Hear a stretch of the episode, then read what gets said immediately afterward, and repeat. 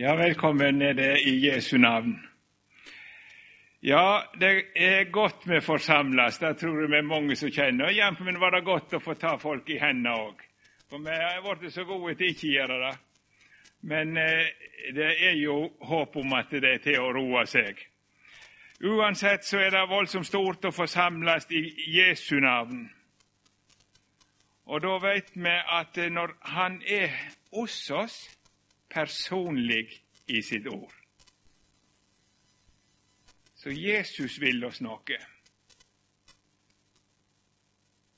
Og så ber vi om et åpent øre, og så ber vi om at Han må få nå oss og lede meg, sånn at dette, disse stundene blir til gagn.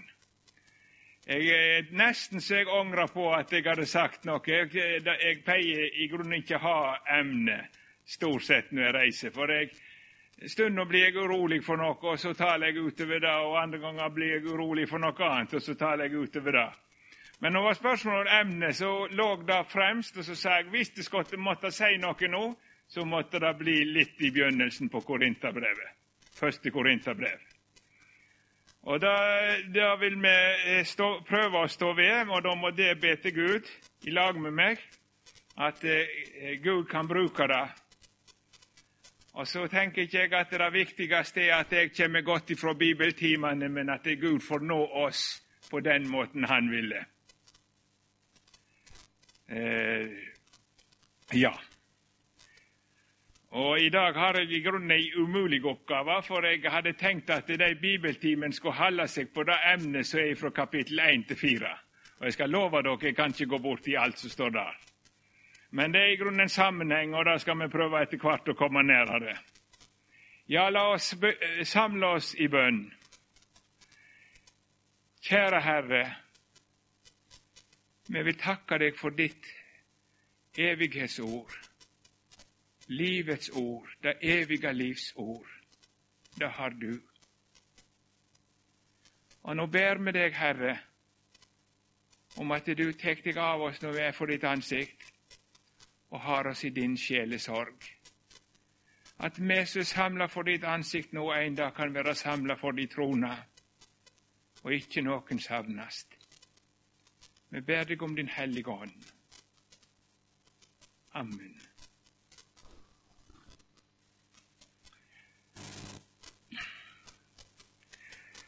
Jeg leser først noen få av innledningsversene. Det er første Korinterbrev, og så har jeg noen ord som skal prøve å føre oss inn i, i noen av hovedsakene i brevet.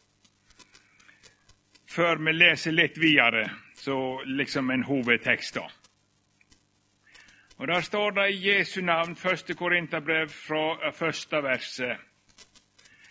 Paulus, ved Guds vilje kalla til Jesu Kristi apostel, og Sostenes, vår bror, til den Guds kjørkelyd som er i Korint, de som er helga i Kristus Jesus, kalla, heilage, sammen med alle som på hver stad kallar på vår Herre Jesu Kristi navn, deira og vår Herre.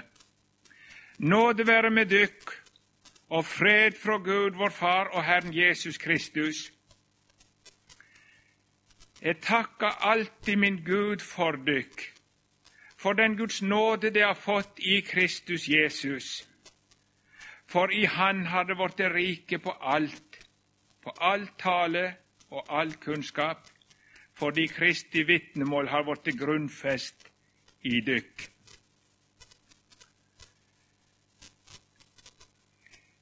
Første Korinterbrev, eller Korinter menigheten og Korinter by aller først lite grann. Korint ligger i det som vi nå kaller for Hellas, og den ligger sånn at den ligger i det smale som binder sammen den halvøya som stikker ned der, med eh, fastlandet.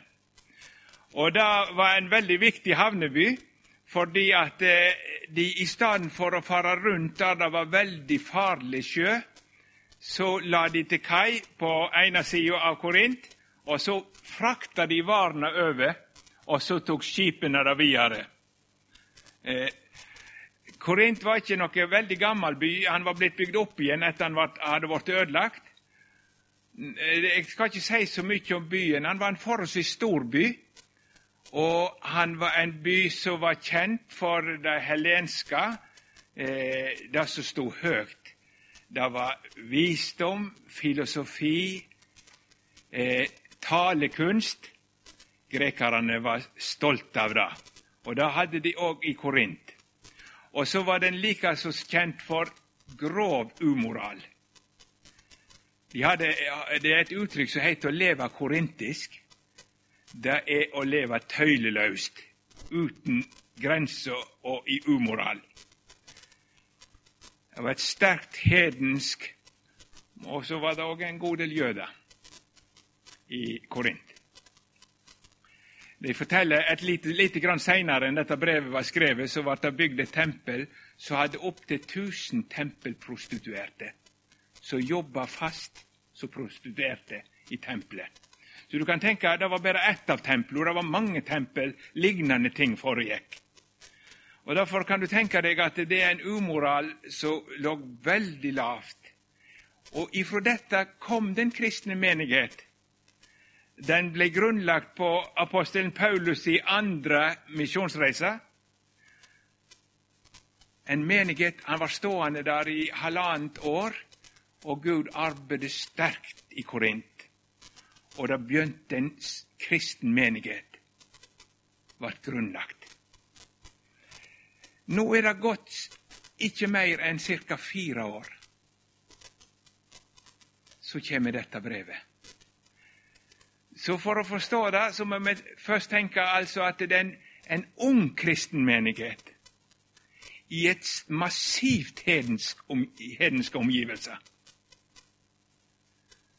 Og Mange ganger så har det jo vært tenkt en, liksom en motsetning nesten mellom Korinterbrevet, som bare har eh, mye praktisk veiledning, og Romerbrevet som et læreskrift. Eh, den er ikke sann, motsetningen.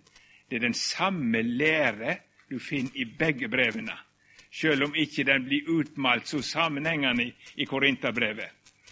Og Når det gjelder noen lærepunkt, så er Korinterbrevet kanskje det viktigste brevet. Når det gjelder de oppstandelsen fra de døde på den ytterste dag, så er Korinterbrevet kanskje det aller fremste. Og Det samme gjelder når det gjelder Den hellige nattverd. Der er Korinterbrevet Veldig viktig slik òg. Så det er ikke sant at Korinterbrevet ikke er et læreskrift. Det er det òg.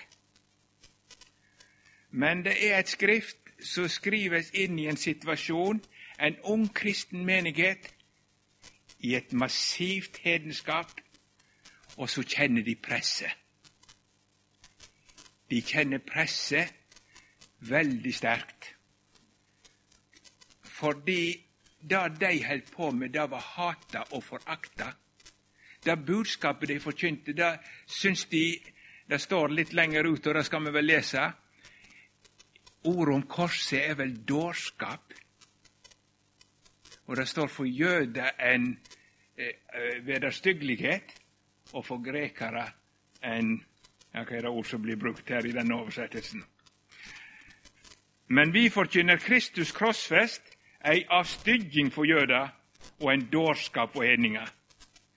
Det er noe som tiltalte de så lite at de sier det, det er en dårskap, det er vanvidd, det det forkynner.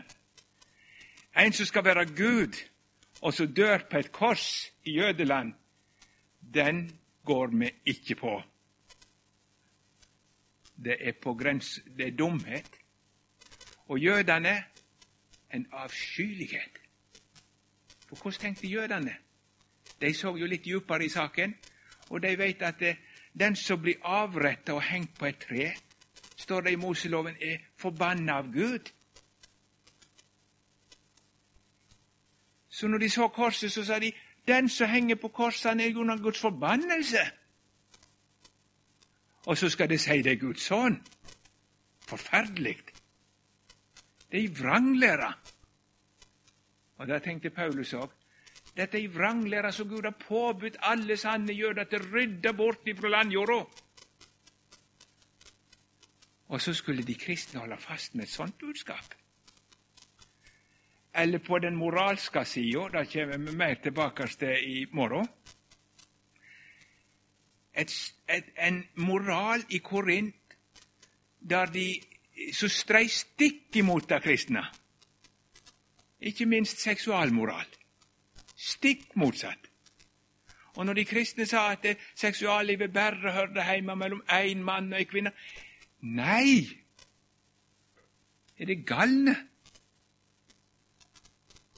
Ja. Og så en ung kristen menighet skal prøve å manøvrere seg i sånne omgivelser. Du kan tro det var farlig.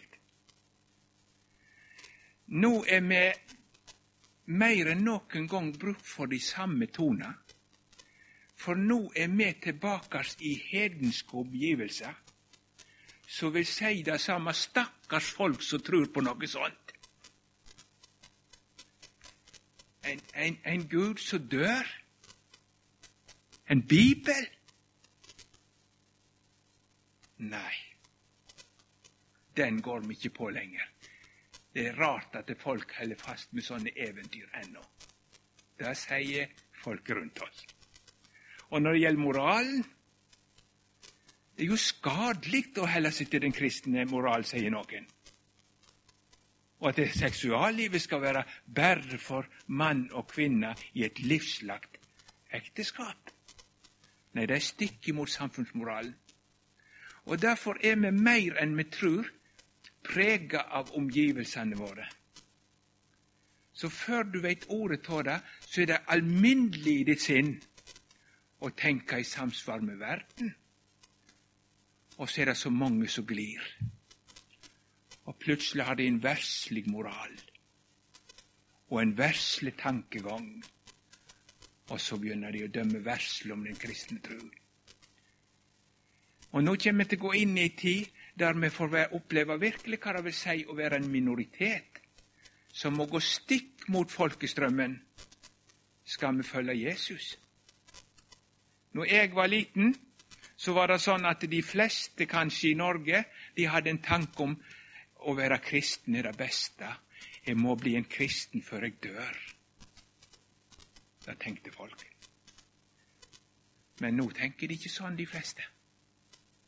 De fleste tenker at en, en, en, som tror på Bibelen, det skal jeg iallfall ikke bli. Det kan jeg forsikre om. Ja. Fire år. Hvor lenge har det vært kristne? Opp med hånda alle som har vært i troen mindre enn fire år. Gud velsigne deg. Velsigne dere andre òg til bli i troen inntil enden. Men her var det, var det ei hånd som jeg så, og nå var det gjerne dårlig å spørre sånn, men jeg, jeg pleier ikke å gjøre det. Men det var bare for å få fram det var alle i Korint. Det var forholdsvis nye kristne, hvis ikke da det var kommet tilreisende. Det kan jo hende. Det har vi jo inntrykk av, de reiste litt. Men det unge kristne som nettopp begynte å tro og begynte å orientere seg, og likevel så kan du lese Korinterbrevet, ikke minst kapittel 10, så ser du at de er ganske kjent blitt på fire år i Gamle testamentet. Moses i ødemarken Hva de gjort på disse fire åra? Og de har drevet på med Den hellige skrift. Det har de gjort. Ja vel, nå er ikke Korint noe mønstermenighet. For der var det mye som var på feil. Og det var mye som holdt på å gå galt. Og det var mye som Herren gjennom Paulus måtte gripe fatt i. Det er det. Og det er det og kanskje blant oss. Men så skal de legge merke hvordan apostelen skriver. Han skriver til de som er i Kristus Jesus. Og så takker han Gud. Jeg takker Gud for dere det er så stort, det som hendte i Korint. Han kunne ikke tenke på det en gang uten å takke Gud. Jeg tror vi har noe å lære av apostelen. For vi ser de kristne etter sin elendighet.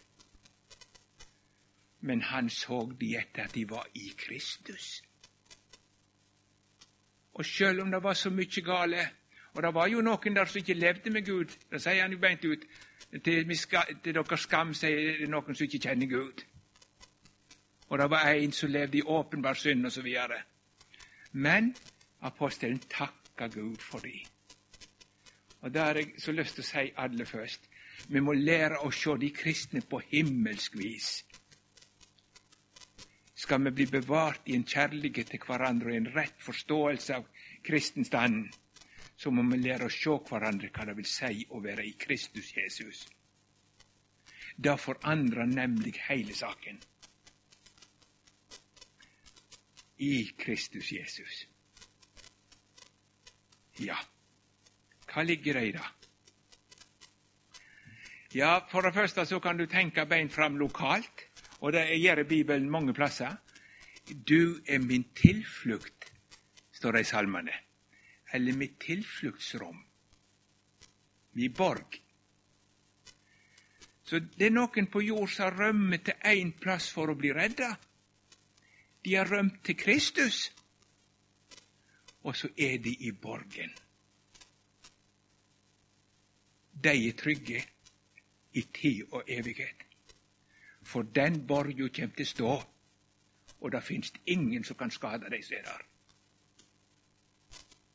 I Kristus Jesus. Et annet bilde som blir brukt, det kjenner vi bl.a. fra Johannes 15. Jeg er vintre, det er greinene. I det øyeblikket du kom til tru, de som tror og er døpt, de er sett inn i Kristus. Så ei grein er poda inn på treet. Og da hører det med å eige del i alt som treet eig. Har du tenkt på det? I det øyeblikket du er i trua på Jesus, så eier du heile Jesus med alt han sitter inne med. Når Jesus er i bildet, da forandrer alt seg. For da eier du en åpen himmel, du eier rettferdighet for Gud, du eier nytt liv, du har del i det evige livet og arverett hjemme hos Gud. Du eier det som Jesus eier. For du er i Kristus. Kan det tenke så stort? At det er de som sitter her, eier det som Jesus eier hvis de er i trua.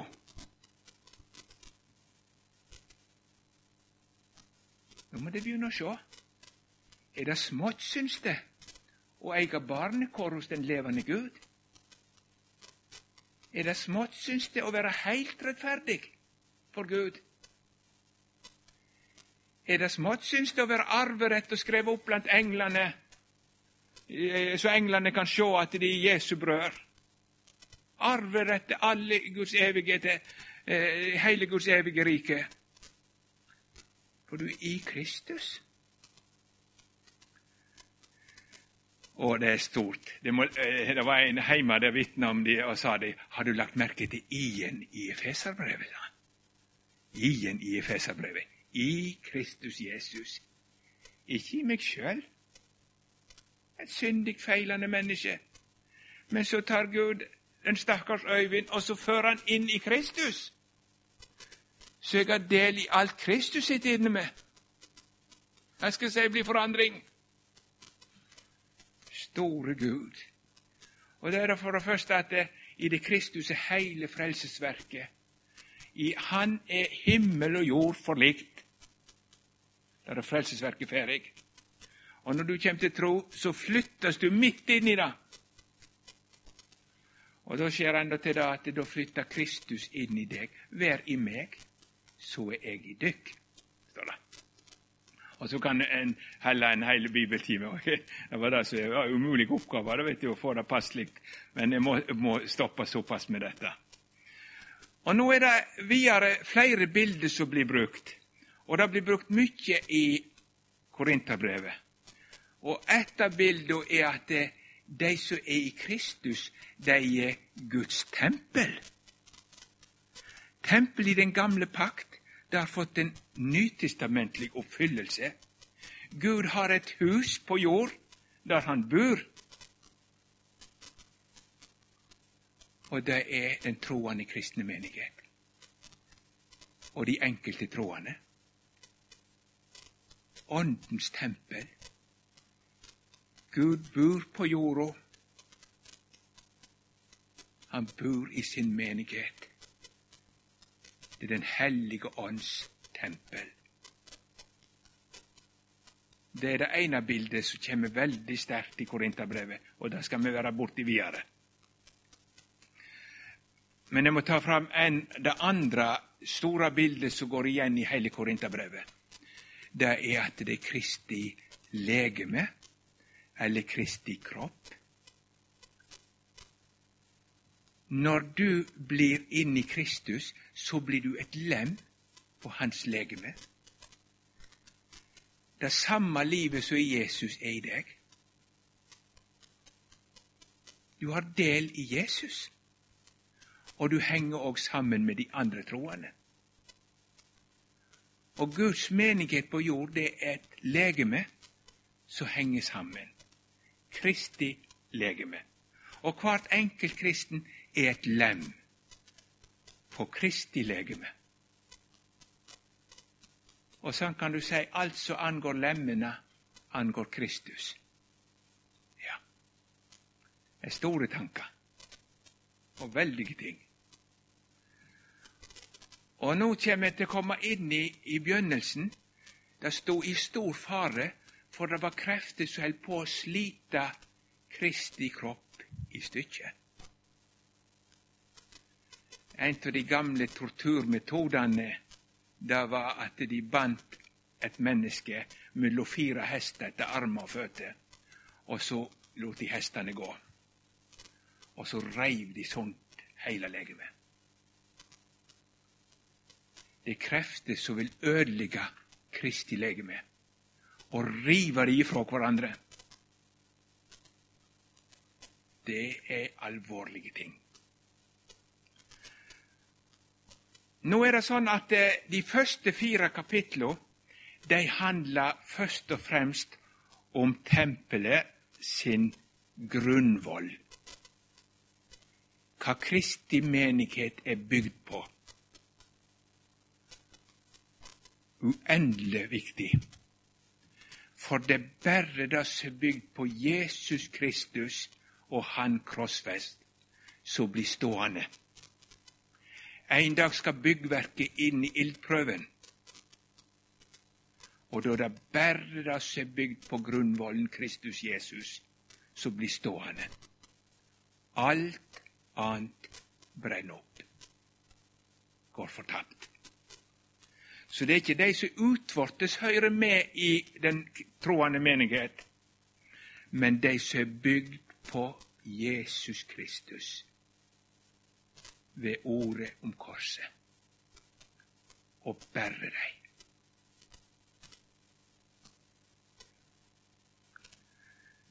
Ja, nå må vi lese litt mer. Det var innledningsord. Så kan det Jeg kan ikke love at jeg er helt kort i dag. Da skjønner du nok. I morgen skal jeg ha to timer. Da skal jeg prøve å være betydelig kortere, men jeg kan ikke gjøre det annerledes i dag. Det ser så opplagt ut, iallfall de som har sovet, og det håper vi alle sammen får være. Ja, vi har litt for oss. Nei da, jeg skal ikke være så uendelig. Det tror jeg ikke. Vi skal lese ifra vers 10, og da begynner jeg inn på første hovedtema, så var det til og med kapittel 4. Men jeg formaner dykk, brør, ved vår Herre Jesu Kristi navn, at det alle må føre sametale, at det ikke må være usemje mellom dykk, men at det må være fast sameina i samme hug og samme tanke. For, for huslyden hjå Kloa har fortalt meg om, meg om dykk, brødrene mine, at det er strid mellom dykk. Jeg sikter til dette at hver av dykk sier, jeg holdt meg til Paulus, jeg til Apollos, jeg til Kefas, jeg til Kristus. Er Kristus delt? Var det kan hende Paulus som var korsfest for dykk? Eller var det til navnet at Paulus det ble døypte? Jeg takker Gud at jeg ikke har døypt noen av dere uten Krispus og Gaius, så ingen skal kunne si at de var døypt til mitt navn. Sant nok, jeg har òg døypt Stefanas og huslyden hans, ellers vet jeg ikke om at jeg har døypt noen annen. For Kristus har ikke sendt meg ut for å døype, men for å forkynne evangeliet, og det ikke med vise ord, så Kristi kross ikke skulle miste sin kraft. Den siste setningen må de legge godt merke til. Hvis evangeliet blir forkynt med vise ord, så mister krossen sin frelsende kraft. Ikke med vise ord, så Kristi kross ikke skulle miste sin kraft. Det skal jeg forklare litt bedre senere. Og så står det For ordet om krossen er vel dårskap for de som går fortapt, men for oss som er frelste, er det Guds kraft. For det står skrevet, Jeg vil tyne visdommen hjå de vise, og vet hjå de vetige vil jeg gjøre til inkje. Hvor er en vismann? Hvor er en skriftlærd? Hvor er en gransker i denne verda? Har ikke Gud gjort visdommen til å være til dårskap? For å være ved sin visdom ikke kjente Gud i Guds visdom, fann Gud det for godt å frelse de som trur, ved dårskapen i forkynninga. For jøder krev tegn, og grekere søker visdom, men vi forkynner Kristus krossfest, ei avstygging for jøder og en dårskap for hedninger. Men for de som er kalla, både jøder og grekere, forkynner vi Kristus Guds kraft og Guds visdom. For Guds dårskap er visere enn mennesker, og Guds veiskap er sterkere enn mennesker. Brør, merk dykk det kallet det fikk. Ikke mange vise til kjøtet var kalla. Ikke mange mektige. Ikke mange høgætta. Men det dåraktige i verda, det valgte Gud seg ut for å gjøre de vise til skamme. Og det som er veikt i verda, det valgte Gud seg ut for å gjøre det sterke til skamme. Og det som er lågt i verda, det som er vanvørt, det valgte Gud seg ut. Det som ingenting er, for å gjøre til inkje det som er noe, for at inkje kjøtt skal rose seg for Gud. For det er Hans verk at det er i Kristus Jesus. Han som for oss har blitt visdom fra Gud, rettferd, helging og utløsing, så at, som skrevet står, den som roser seg, han skal rose seg i Herren. Jeg kunne ha lyst til å ta med det ordet som du hadde òg, altså. Det fortsetter hele saken. Så dere må ikke tro at jeg kommer til å utmale den til sin fylde. Men jeg skal prøve å peke på hva som hovedsaken er, så den kommer på innsida. Og det er viktig. Som jeg sa, så levde de en plass der de sa der de kristne forkynner det mest stakkarslige jeg har hørt. Jødene sa det er en avskyelig lærdom de kommer med. Hvem kan høre på slik? For jødene krev tegn, og det er fakta der de sier til Jesus på korset, 'Stig ned, så skal vi tro på deg'. Blir du hengende på korset, så er du åpenbart en vranglærer. Men stig ned, så skal vi tro på deg. Og så skulle de forkynne at korset er selve hovedsaken. Det er selve tegnet for dem at det er, ikke stemmer. Og visdomstalen i Grekeland, der var det store mennesketanker, flinke filosofer og gode talere. Og så sier de der de kristne kommer med det ynkeligste og tarveligste jeg har sett. Hvem kan vel høre på sånt? Hva tror du de kristne tenker da? Hvordan skal vi nå ut? Da er fristelsen stor å begynne å tilpasse budskapet. Vi kan ikke forkynne sånn som folk ikke begriper det fnugg av. Vi må prøve å legge det an så de syns vi har noe med òg. Kunne vi f.eks. For fordi eh, grekerne begynte å komme sånn og si Se hva lærdommer vi har! Herrevisdom! Og så begynner liksom noe vidløftige greier. Og på den måten var de begynt å misbruke de gode forkynnerne. Nå er det noen som tror at det er danna fire fasttømra parti i Korint. Det kan de ikke tenke. På fire år så skjer ikke det. Vi klarer ikke å organisere nesten en forening på fire år. Eh, så det er, ikke, det er ikke på den måten at de er fire forskjellige kristelige parti som var uenige og sånne ting. Nei, men det, det er ikke partiet, det er ikke det ordet som er brukt, men det er splid. Og spliden har sin årsak at de begynte å måle forkynnerne etter hvor langt de nådde i det de kunne helle fram så Sjå her, grekere, vi har stor visdom. Vi har store talegaver. Vi har noe å fare med som det vil synes om. De ville imponere grekerne. De ville iallfall finne noe som de sier Å ja, når det er sånn, da begynner kristendommen å bli noe. Så de ville tilpasse det sånn at de, de, de iallfall de vise i Grekeland syntes om det de hadde. Ja. Og da begynte de å måle de som var gode med eh, Ja, det er noe i kjødelig som begynner å gjøre seg gjeldende. Og da kan det gjøre seg gjeldende hos oss på en litt annen måte. Noen er sterke intellektuelt, og de klarer å fasthelle lærdommene og nyansene. Og, og, det er viktig å trenge inn i den kristne læra. Jeg kommer aldri til å si noe negativt om det, men pass deg. Det finnes en oppbyggelig samtale som egentlig består i å glimre for de andre. Vi er så kloke vi er så rette, vi har sånn innsikt. Og så har vi noe å rose oss av. Og så står det noen som ikke makter nå opp til dette der og kjenner seg utenfor. Jeg har ikke så stor innsikt, og veit ikke om jeg kan forsvare på så mye.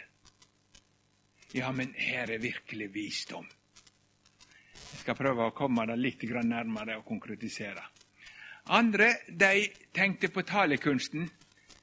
Her er virkelig en så Og da var det gjerne Apollos. For Apollos han var fra Alexandria, og han var en, en mann med Så det står ord som kan bli brukt. Han var en voldsom mann med ord. Han, eh, Luther mener det er han som har skrevet Hebreabrevet. Og Hebreabrevet er det fineste gresken du kan tenke deg. Det er helt annerledes enn resten av så den mannen som har skrevet det, han har vært meget dyktig i gresk. Og dessuten igjen kjent i Skriftene. Så det passer veldig på eh, Apollos. Vi veit ikke. Og Luther sier heller ikke at det må være sånn. Men eh, han holder for det. Ja. Og så begynte de å måle forkynnerne etter hvor mye de syntes de hadde fara med etter Grekerland sin visdom og sine krav. Og noen de sa Apollos, han kjem til noe langt. For han har en sånn tale at de, må, de må, andre må bli slått av det. Og så var det noen som begynte å samle seg om Apollos og si det er dette jeg har tro på. Det er Apollos sin måte. Og så sier de med sånne så, Og så er det sånn at når du begynner å rose en forkynner for gavene, så kan det hende, hvis du har litt av det samme, at det dryper litt på deg sjøl òg. Så du òg får litt ros med det samme. Ikke sant? Det er ikke fritt for det. Hvis du kan nå rose deg eh, av å være en lutheraner, så dryper det litt på deg noen plasser. Og så er det andre ord. Han er rosenianer. Jeg er så glad i Rosenius og Luther, jeg må ikke misforstå det. Men i grunnen er de ingen som kan hjelpe meg til verken Rosenius eller Luther. Men de har vært Guds redskap til å føre meg til Skriften og til Kristus. Det er noe annet. For vi må være litt forsiktige hvordan vi bruker det. Så vi ikke bruker det til å rose seg overfor hverandre, og til å glimre, og til å holde fram noe som du kan rose deg av. Eller så verden kan bli imponert over. Hvis du begynner å anlegge forkynnelsen på hva verden kan bli imponert over, så mister budskapet sin kraft. Det er farlig. Det var der de var bjønsere. De skulle prøve å tilpasse det så de hadde noe å rose seg av overfor grekerne. Og så målte de forkynnerne etter hvor langt de dømte de å være kommet i den gata, alt etter sin egen smak. Kan det være lignende? Jeg skal ikke Jeg hørte han Kårbø, han som var her oppe, ja. Han, han, hadde en time om dette ikke så lenge siden. Og Da uh, malte han det ut litt på den måten at uh, Peter, eller Kefas, han var lekpredikant. For han var ikke en lærd mann sånn menneskelig talt. Men han kunne bruke bilder kanskje fra fiskelivet. Nå ser man jo ikke så mye av, men, men uh, ja. Og så, og så var det noen som Det er rette måten. Det er det som kan nå ut. En slik forkynnelse. Og så var det andre. De sa nei, Paulus, ser du de tankelinjene og den klarheten i læra? Og så samler de seg ut av liksom, dette er det store som kan nå ut.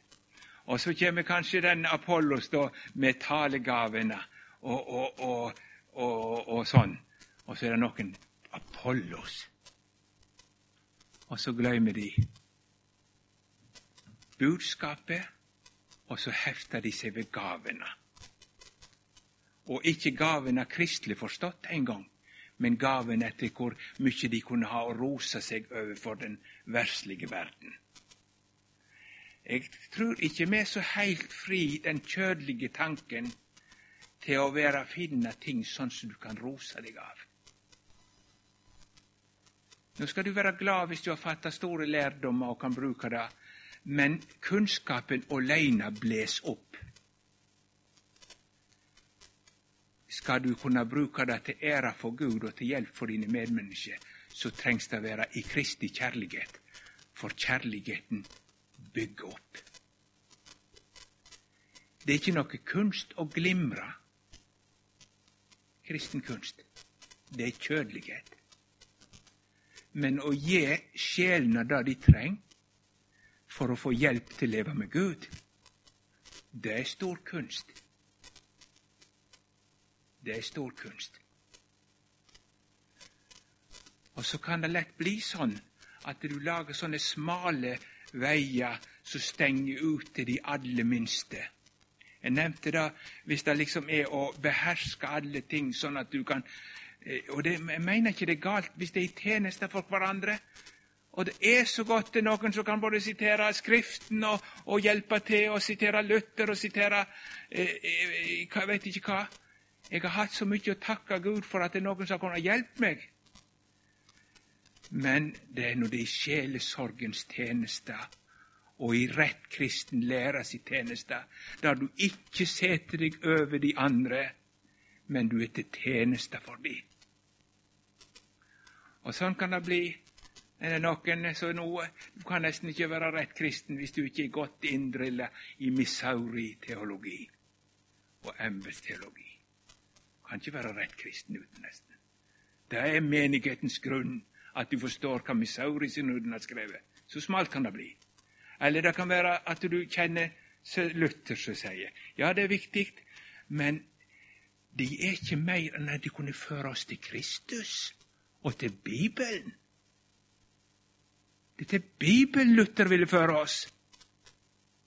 Og det er til Kristus han ville føre oss så du kom i Kristus og ble grunnfestet i Han og begynte å rose deg ikke av de store lærdommer du satt innom, men jeg får være i Kristus.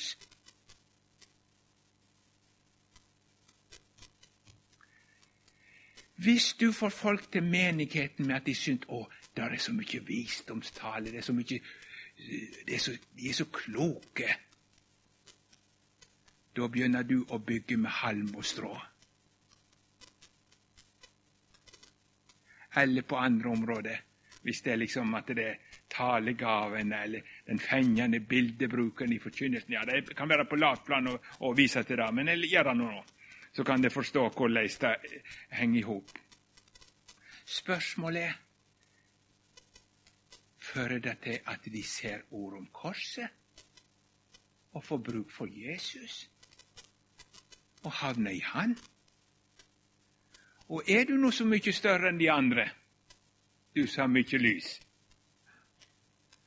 Jeg tenker ikke du har mer lys enn at du daglig må banke på nådens dør og si åpne ordet for meg, Gud, ellers så ser jeg ingenting. Hæ? Hvor mye lys har det? Og da er saken her at det, det er ingen menneskelig klokskap som fatter evangeliet. Det betyr ikke at ikke kloke folk kan bli frelst. Gudskjelov og takk. Men det blir ofte ikke så mange. Ikke mange vise. For klokskapen deres kan ikke hjelpe dem. De må stille likt med de som ingenting veit. Og det koster. Det kostar. Det betyr heller ikke at de moralske folk ikke kan bli frelst. Men det blir ikke så mange av dem, for moralen deres kan ikke hjelpe dem. De må stille likt med røverne. Sånn har Gud ordna frelsen. Og Derfor har jeg lyst til å si det sånn at ordet ord om korset det er helt fremmed i denne verden. Det finst ingen forutsetninger for å kunne ta imot det i denne verden. Vel skal vi forkynne både ett og ett og legge grunnsteiner ifra Skriften, men ord om korset er en hemmelighet som ingen menneske forstår uten Den hellige ånd for åpenbare.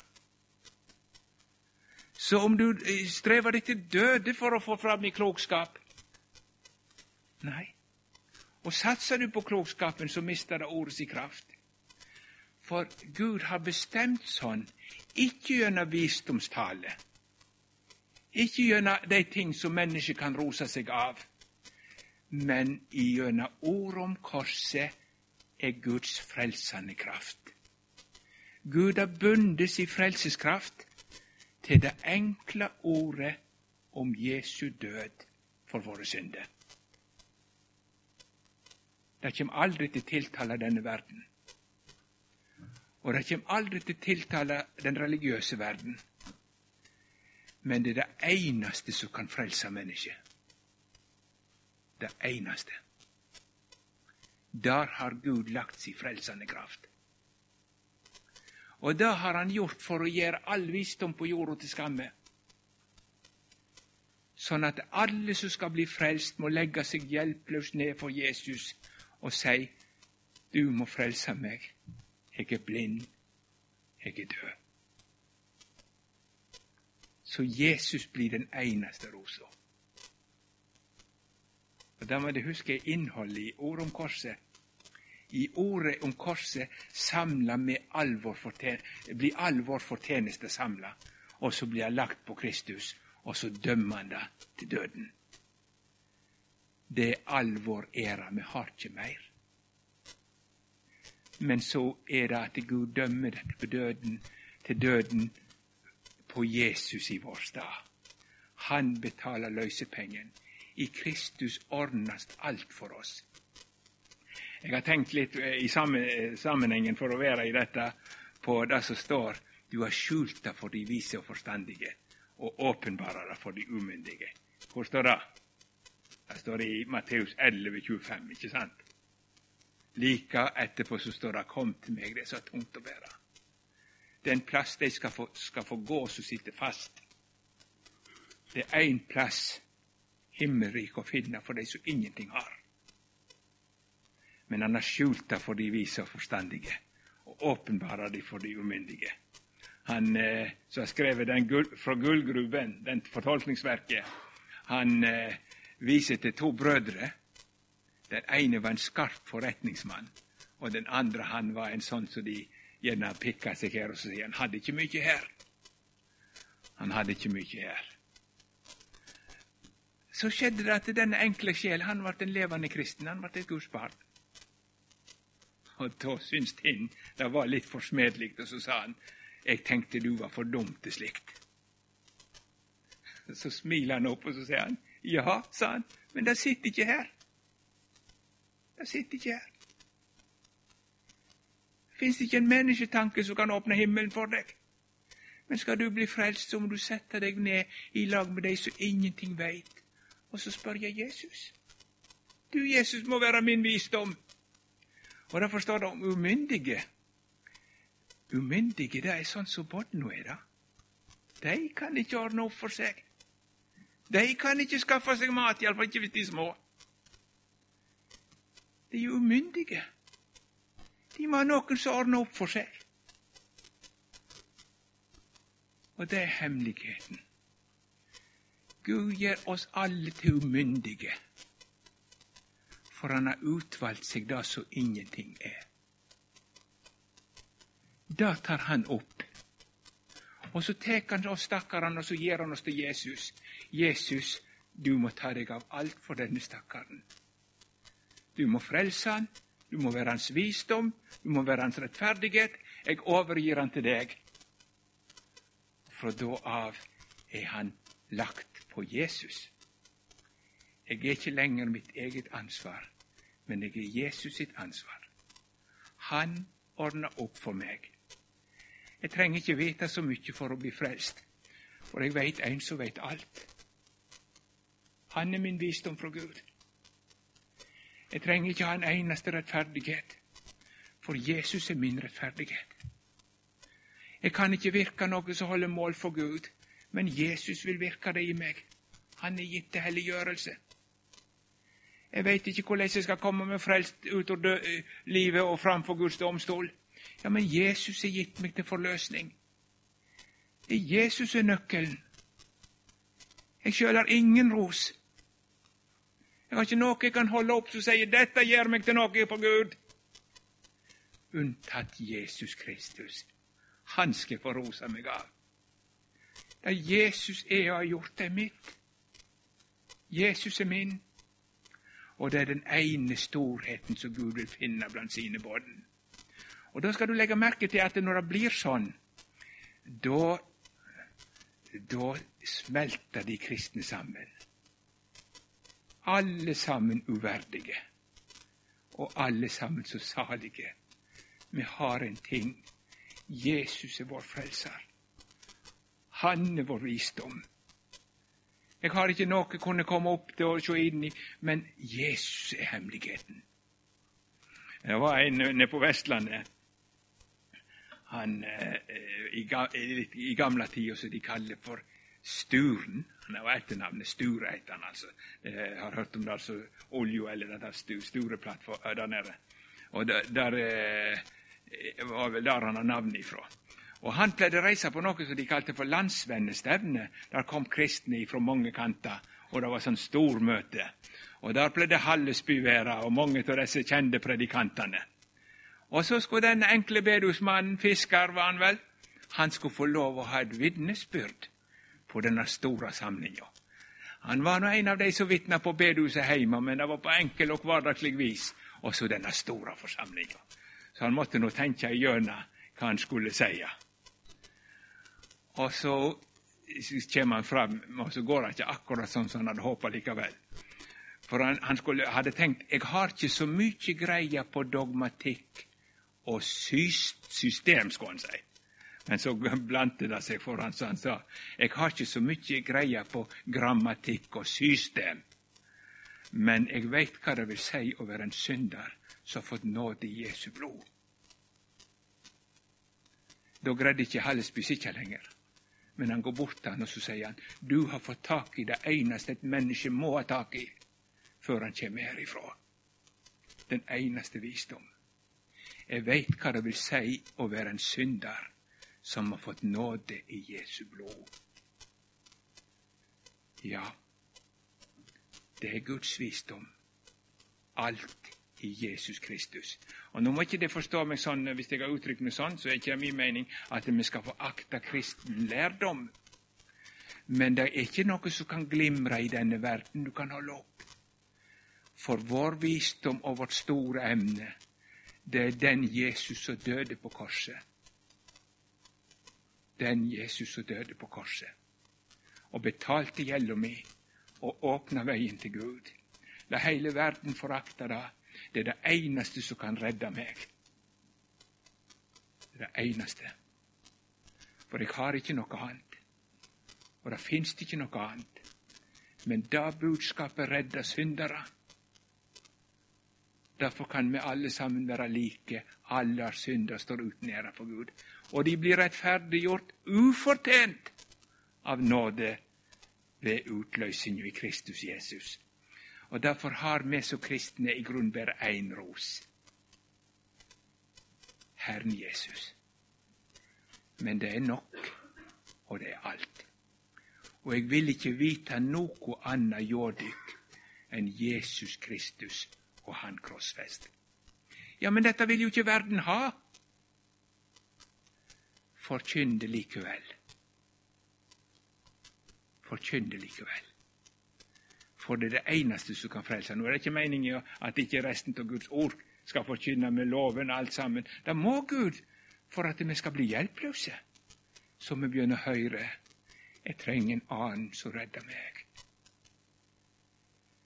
Men det er bare i dette budskapet Guds kraft til frelse. Det er det eneste som kan redde. Og alt som ikke blir berga på den måten, det blir ikke berga. Ja, men de tar ikke imot det. Nei. Men Gud har sendt en mektig hjelp. Han har sendt Den hellige ånd, og Den hellige ånd følger ordet. Og han òg skal gå i rette med verden. Og han skal overbevise. Og det er veldig forunderlig når Helligånden begynner. Å legge mennesket hjelpeløse ned for Jesus. Og så når han får åpenbare rettferdighet fordi Jesus gikk til Faderen. Ja? Helligånden, han gjør arbeidet. Og er du kommet til tro på Jesus, så er det fordi Den hellige ånd har åpenbart det for deg. Det var ikke noe du fikk til. Det var heller ikke noe du forsto av deg sjøl. Og Derfor er det så salig sant, sånn som Luther forklarer det i den eh, tredje trosartikkelen. Jeg tror at jeg ikke av egen kraft eller makt kan tro på Vår Herre eller komme til Han. Ja, det var noe til trosannhet. Jeg tror at jeg ikke av egen makt eller kraft kan tro på vår Herre eller komme til Han. Men Den hellige ånd har kalt meg ved evangeliet. Evangeliet er det middelet som Helligånden bruker for å gjøre døde levende.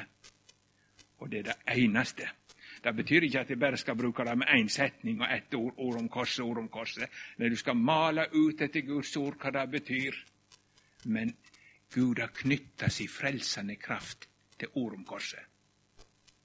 Det har han. Og det ordet henter ennå mennesket inn i Guds rike. Og det er det eneste som kan det. Så i stedet for å skamme dere, eh, mine gode venner eh, De fleste av dere kjenner godt at tror det noe kan si. Så vil jeg si med Paulus jeg skammer meg ikke ved evangeliet. Jeg har skamma meg mange ganger over Øyvind. Men evangeliet, det budskapet om Jesus, Guds sønn, som blir menneske og død i min stad, det skammer meg ikke over. For det kan en ting som ingenting andre kan. Det kan frelse meg, og det kan frelse hver den som tror. Det er Guds kraft til frelse. Det fins ikke noe lignende på jord. Og det er 100% importert vare til denne verden, sa Martin Sandve. Så det har jeg lyst til å si òg. Og Derfor eh, slutter han i kapittel tre. Nå må vi bare hoppe fram der, og så skal jeg gå mot avslutning.